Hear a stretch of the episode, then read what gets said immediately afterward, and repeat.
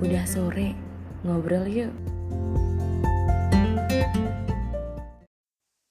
Halo teman-teman semua, selamat datang kembali di podcast sore-sore. Uh, episode kali ini dipublish pas banget di awal bulan baru, yaitu bulan November. Dan bulan ini juga yang mengingatkan kita kalau sebentar lagi kita akan berada di tahun yang baru juga, yaitu 2020. Well, buat teman-teman yang mungkin di awal 2019 atau di akhir 2018 pernah bikin daftar resolusi, coba dicek deh. Uh, berapa sih yang udah kalian uh, laksanain atau kalian raih dan berapa yang belum atau bahkan kelupaan.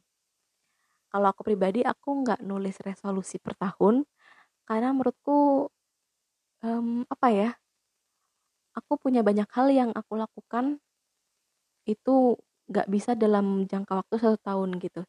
Jadi biasanya aku bikin uh, resolusi atau planning itu selalu dalam jangka waktu tiga tahun sampai lima tahun gitu. Tetapi alhamdulillah beberapa dari uh, resolusi atau wishlist aku beberapa ada yang sudah bisa tercapai. Oke, ngomongin yang baru-baru. Aku mau ngomongin sesuatu nih Pernah gak sih teman-teman tuh bangun tidur? Dan pertama kali teman-teman bangun tidur itu yang muncul di kepala teman-teman adalah sesuatu yang gak pernah teman-teman lakukan. Kemudian entah dari mana ada energi yang datang ke tubuh teman-teman. Dan menyuruh teman-teman untuk mengingat apa yang sudah terjadi di hidup teman-teman setelah mengingat semuanya uh, kita sadar gitu kalau ternyata ada banyak hal yang harus dibenerin harus dirapiin.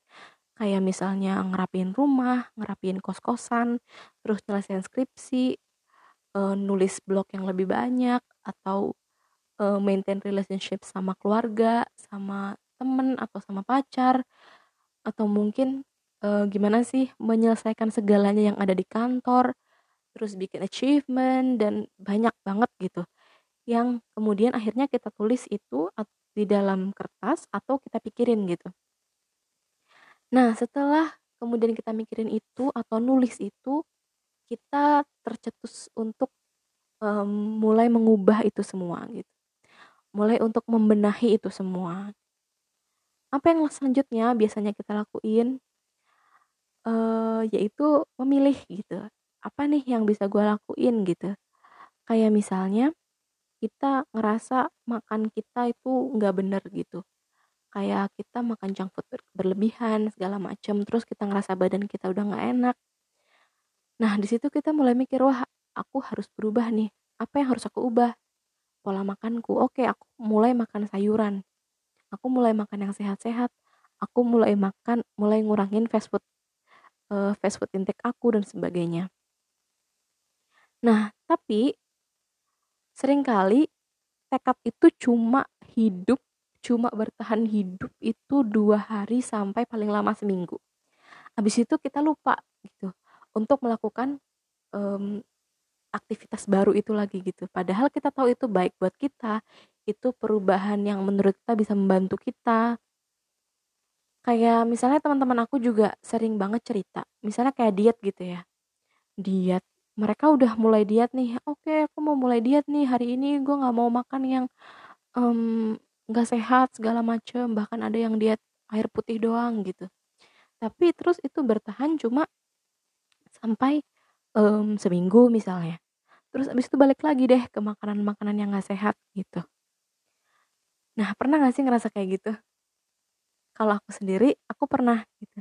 Nggak cuma soal makanan aja gitu. Kayak misalnya aku mulai uh, aku tuh suka gini, kalau misalnya, uh, ngerjain sesuatu, suka takut untuk, uh, nyelesain karena aku merasa nanti jelek hasilnya gitu. Jadi akhirnya aku sering ngerasa kayak banyak banget pekerjaan atau hal-hal atau karya apa yang aku tinggalin gitu aja tanpa aku selesaiin. Dan aku pengen banget ngerubah habit itu gitu. Tapi ketika aku pengen ngerubah habit itu, selalu ada hal-hal yang menghalangi aku untuk berhenti melakukan untuk berhenti berubah dan lagi-lagi menunda-nunda apa yang aku lakuin. Itu nah sebenarnya nih kalau menurut aku ada beberapa alasan gitu kenapa kita bisa punya energi yang sementara dan punya apa ya kemauan yang sementara untuk melakukan perubahan tapi juga kemalasan yang tak berujung ketika kita udah mulai bosan sama hal baru yang sedang kita lakukan itu. Nah, apa aja sih? Yang pertama, eh, mungkin kebiasaan baru ini atau hal yang baru yang ingin kalian lakukan ini kalian lihat sebagai um, pressure, sebagai tekanan dan kalian merasa itu pasti membuat kalian gak nyaman.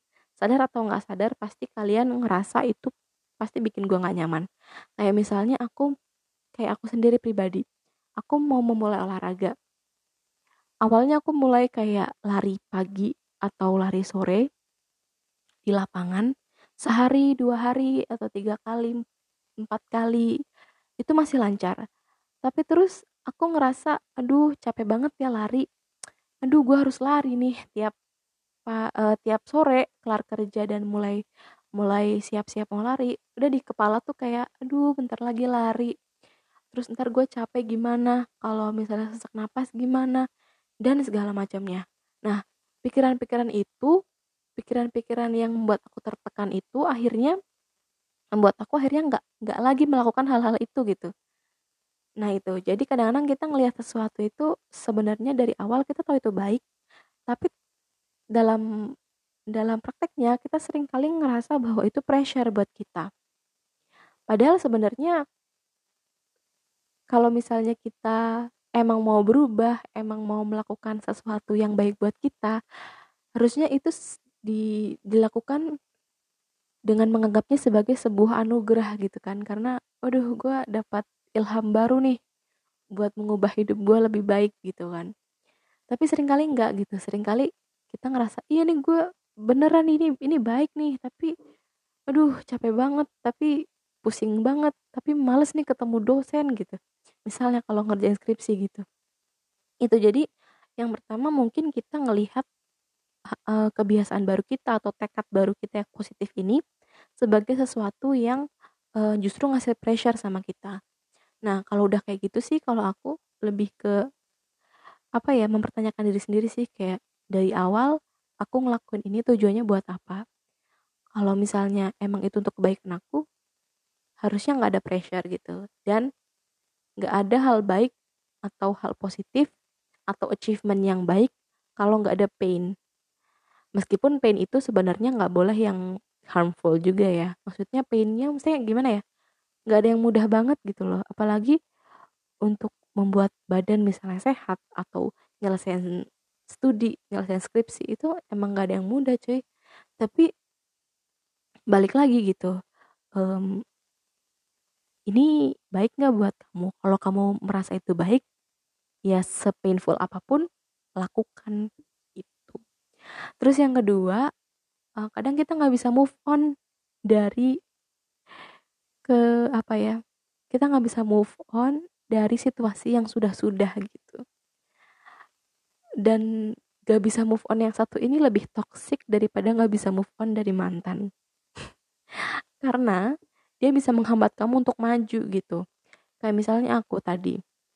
Daripada aku lari pagi atau zumba di pagi hari mendingan aku tidur gak sih karena biasanya aku selalu tidur gitu apalagi kalau liburan mendingan aku tidur sampai siang gitu kan nah perasaan-perasaan yang eh, terlalu lekat dengan kenyamanan yang sebelumnya kita punya itu cenderung menjadikan kita akhirnya males gitu untuk ngelakuin lagi apa yang sedang kita usahakan untuk kita lakukan gitu. Kebiasaan-kebiasaan baik yang seperti lagi kita usahakan gitu. Karena kita terlalu nyaman ngebayangin apa ya ngebayangin uh, situasi-situasi yang udah enak gitu loh sebelum kita melakukan habit itu gitu. Ya misalnya kalau gue nggak ketemu dosen nggak ngerjain skripsi kan bisa main sama teman-teman kan bisa nongkrong tanpa bawa laptop terus pusing di depan um, meja di, depan meja di kafe ya kan? Dengan di depan meja di kafe sambil ngobrol sama teman-teman gitu kan. Tuh jadi menurut aku juga itu. Kita kayak suka suka nggak berani gitu untuk meninggalkan comfort zone kita.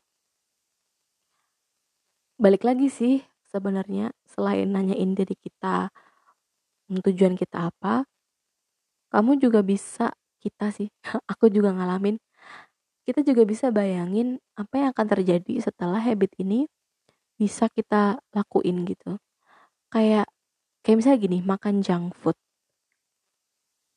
Aku yakin deh uh, dari kecil sangat jarang orang tua yang membiasakan anak-anaknya makan gak sehat.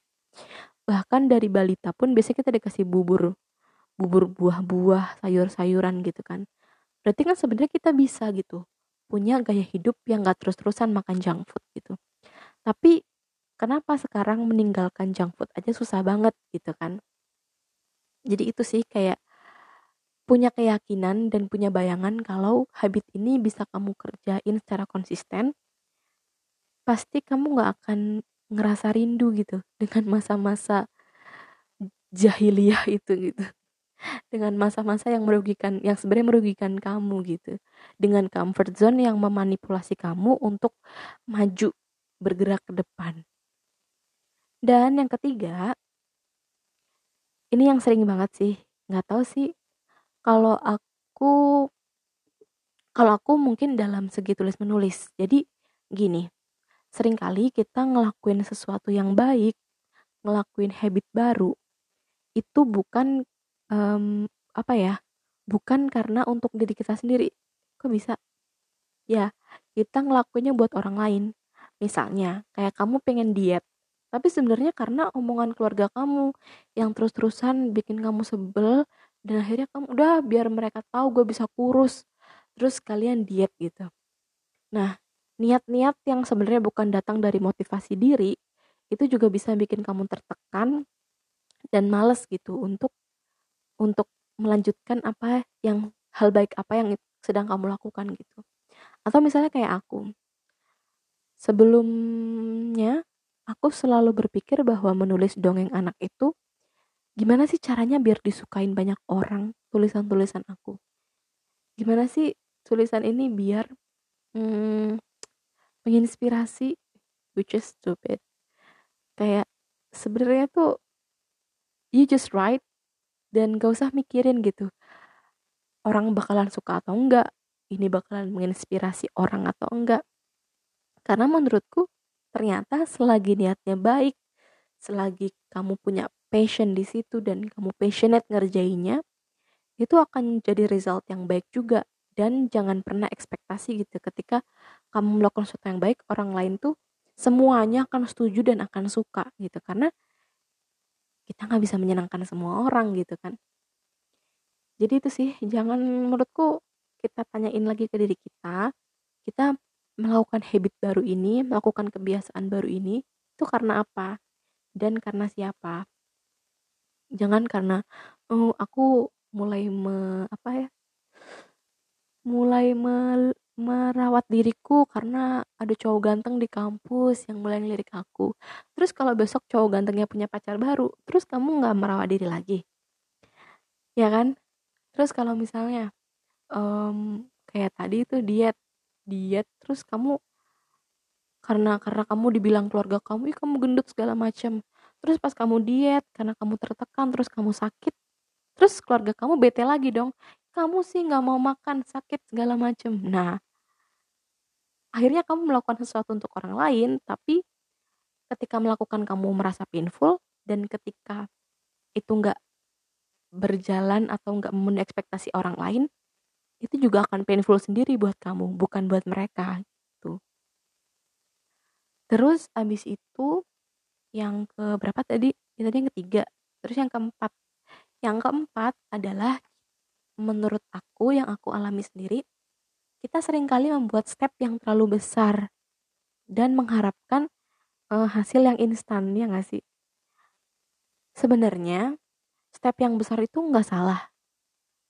Tapi sering kali bikin kamu bosen gitu, karena kamu kaget gitu nggak dari dari dari misalnya dari kamu kamu pengen punya habit baru nih habit barunya adalah bangun tidur eh bangun lebih pagi ya kan biasanya kamu bangun jam 9 pagi terus kamu pengen bangun lebih pagi. Nah kamu langsung set alarm kamu jadi sampai jam 4 eh dari jam 4 gitu. Dari jam 4 pak dari jam 9 pagi ke jam 4 pagi itu berat banget gak sih? Itu berat banget dan itu uh, intervalnya lumayan jauh gitu. Ketika kamu mulai dari jam 4 pagi maka kamu akan enggak ini enggak pasti sih tapi kayak um, cenderung akan lebih bosen dan lebih capek ngejalaninya. Kenapa enggak kalau misalnya kamu biasa bangun jam 9 coba deh kamu undur jadi jam 7 eh, kamu majuin jadi jam 7 nanti setelah kamu seminggu terbiasa sampai jam 7 kamu mundurin lagi sampai jam 6 atau jam 5 baru setelah kamu terbiasa lagi kamu bisa set itu di jam 4 gitu.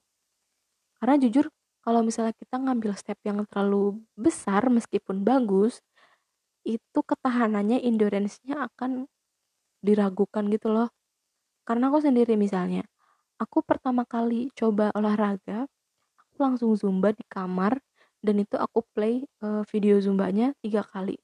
Besoknya aku bener-bener gak mau olahraga. Gak besoknya sih kayak dua hari kemudian setelah ngelakuin kayak gitu selama dua hari aku bener-bener stres dan aku gak mau lagi olahraga gitu. Karena I took too many steps gitu. Harusnya perlahan-lahan tapi kamu bisa konsisten gitu bisa menikmati.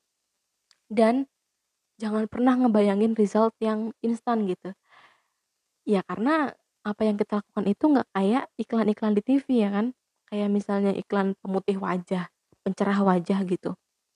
Ya di iklan langsung cerah seketika.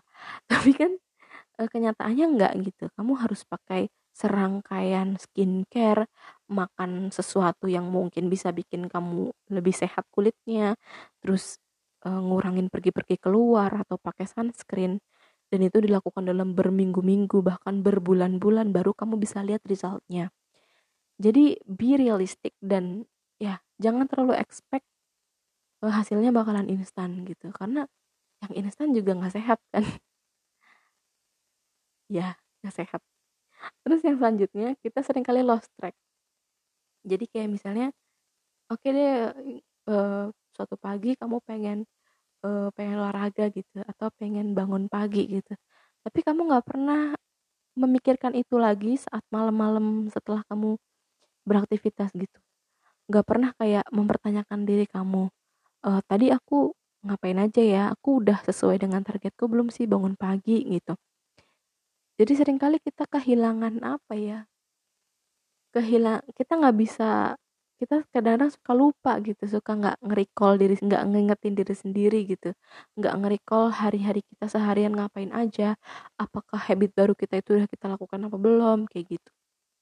Nah kalau aku sendiri aku tuh sering banget lost track kayak gini kayak ya awal-awalnya pengen gitu ya makan yang sehat gitu tapi lama-lama kayak ya udah acak-acakan gitu makanannya. Nah mulai bulan kemarin aku mulai bikin yang namanya food log. Jadi kayak aku bikin kotak-kotak yang jumlahnya 30 hari. Di situ isinya adalah makanan apa aja yang aku makan setiap hari. Nah, di situ aku nggak mau expect kayak aku juga nggak mau bohong gitu loh kayak kalau misalnya aku makan sate padang tiga hari berturut-turut atau makan ayam goreng berkali-kali gitu ya aku tulis aja gitu dari foodlog itu akhirnya aku tahu gitu loh apakah aku udah melaksanakan habit aku apa belum habit yang baru gitu apa belum gitu. Dan apa yang harus aku ubah yang kayak gitu. Dari dari ngetrack uh, perjalanan habit baru aku aku jadi tahu apa yang harus aku improve dan apakah aku benar-benar konsisten ngelakuin itu gitu. Dan yang terakhir yang sering kali susah sebenarnya tapi sebenarnya bisa dikompromikan adalah sering kali lingkungan kita tuh gak mendukung perubahan kita yang baru. Pernah gak sih kayak gitu? Kayak misalnya kamu udah semester tua, terus pengen banget nih, um, kayaknya skripsian penting deh gitu kan. Tapi di sisi lain teman-teman kamu adalah sekumpulan orang-orang yang belum memandang bahwa skripsian itu penting gitu. Terus akhirnya kamu sulit dong mau skripsian, aduh ntar um, kalau misalnya gue pamit skripsian ntar dikatain apa yang segala macem. Oh ambis ya. Uh, segala macem hal-hal yang mungkin nggak pengen kamu dengar dari mereka. Atau misalnya ketika kamu mau mulai makan makan yang sehat ternyata aduh nggak kayak di nggak kayak di YouTube YouTube ya gitu. Nggak kayak yang di endorse endorsein artis ya ternyata makan sehat tuh mahal ya. Ini sering banget sih aku dengar dari teman-teman aku awalnya aku setuju gitu. Karena referensiku adalah orang orang-orang yang bisa afford uh, catering catering sehat diet yang budgetnya di atas budget aku dan teman-teman mahasiswa yang ada di sini gitu. Tapi ternyata ya itu sebenarnya excuse buat kita aja gitu gak sih? Karena sebenarnya makan sehat itu nggak harus dengan cateringan yang mahal-mahal dan segala macam gitu. Itu juga sebenarnya bisa kamu dengan masak atau kamu beli sayur-sayuran yang udah mateng yang di warung-warung gitu. Dan kadang pikiran-pikiran kayak gitu tuh nular gitu loh. Setiap pikiran-pikiran yang oh, makan sehat tuh mahal segala macem. Itu tuh nular gitu loh. Jadi oh ya gue ada temennya nih yang mikir kalau makan sehat itu nggak nggak gampang gitu. Terus akhirnya kamu mundur gitu. Atau lingkungan kamu kamu menjadikan lingkungan kamu kayak gimana ya ya deket kosan aku kan nggak ada yang jual sayur atau di kosan aku kan nggak ada dapurnya kayak kosku. Jadi itu yang akhirnya sering sering kali bikin kita ya udahlah nggak apa-apa lah nggak ngerjain habit-habit baru ini. Karena kan emang gue nggak ada fasilitasnya kayak gitu. Padahal nggak kayak gitu sih sebenarnya. Semua bisa dicari jalannya gitu kan atau misalnya kamu um, apa ya kamu pengen ngafalin Quran gitu tapi uh, kerjaan kamu banyak banget gitu ya. Kerjaan kamu banyak terus di rumah kamu harus ngelakuin banyak hal juga. Nah itu gimana gitu kan? Kadang-kadang uh, habit-habit itu nggak bisa kita laksanain gitu akhirnya. Nah untuk solve problem yang kayak gitu sebenarnya aku nggak tahu sih nggak tahu sih solusi yang tepat apa. Karena kan setiap lingkungan punya kondisinya masing-masing setiap alas uh, dan punya alasannya masing-masing gitu kan. Tapi aku kalau pribadi aku pribadi kalau aku kalau kalau karena yang skripsi tadi ya misalnya menurut aku nggak usah didengerin gitu loh. Kayak ya udah kamu tetap lakukan sesuatu kerjain skripsi kamu untuk diri kamu gitu. Karena ketika skripsi kamu nggak selesai ketika kamu sudah merasa itu penting orang tua ngejar-ngejar kamu atau ya kamu pengen cepet-cepet lulus gitu ya yang ngebayar UKT kamu tuh bukan teman-teman kamu gitu. Yang pusing kalau kamu nggak lulus lulus tuh bukan teman-teman kamu. Tapi diri kamu sendiri gitu loh. Gimana nggak enaknya sama orang tua yang udah bayarin kita? Gimana nggak enaknya kuping kita kalau dengar kalau pulang tanyain kapan lulus? gitu kan itu yang rugi kita gitu loh. Mereka sama sekali nggak menanggung kerugian apa pun. Menurut aku ketika mereka bilang seperti itu sebenarnya mereka tuh sedang apa ya? Ya menyamankan diri mereka gitu loh. Jadi biar mereka tuh nggak ngerasa bersalah ngerti gak sih? Gitu. Jadi menurutku kamu tetap lakuin skripsi kamu kerjain skripsi kamu tapi jangan sampai kamu bener-bener lost kontak dari mereka gitu. Jadi tetap berteman gitu sama mereka terus kalau misalnya yang soal diet gitu ya kayak selalu banyak selalu ada jalan gitu. Kalau kamu nggak bisa afford um, apa catering diet yang mahal-mahal yang mungkin gak sesuai budget kamu kamu bisa masak. Kalau kamu nggak bisa masak kamu bisa beli di luar yang ada sayurnya yang mungkin di warung-warung atau beli lotek beli gado-gado yang pasti lebih terjangkau gitu. Jadi semuanya ada ada apa ya ada solusinya. Terus juga apa namanya kalau misalnya kayak ada beberapa hal yang mungkin kamu ingin ubah dalam diri kamu yang berkaitan sama mentality kamu dan kamu tahu hal-hal apa yang bisa membuat mentality kamu tuh nggak berkembang dengan baik atau kamu semakin mentally ya the only way is to free yourself. Kayak kamu mulai membebaskan diri dari hal yang kamu kamu rasa itu gak membuat kamu secara mental baik-baik saja. Dan apa ya? Ya itu melepaskan diri gitu loh. Berani melepaskan diri dari apa pun yang membelenggu kamu dari apa pun yang yang membuat kamu ngerasa nggak bisa maju ngerasa nggak bisa lebih sehat secara mental. Dan kamu lepas dari itu kamu mulai lagi segalanya pasti bisa.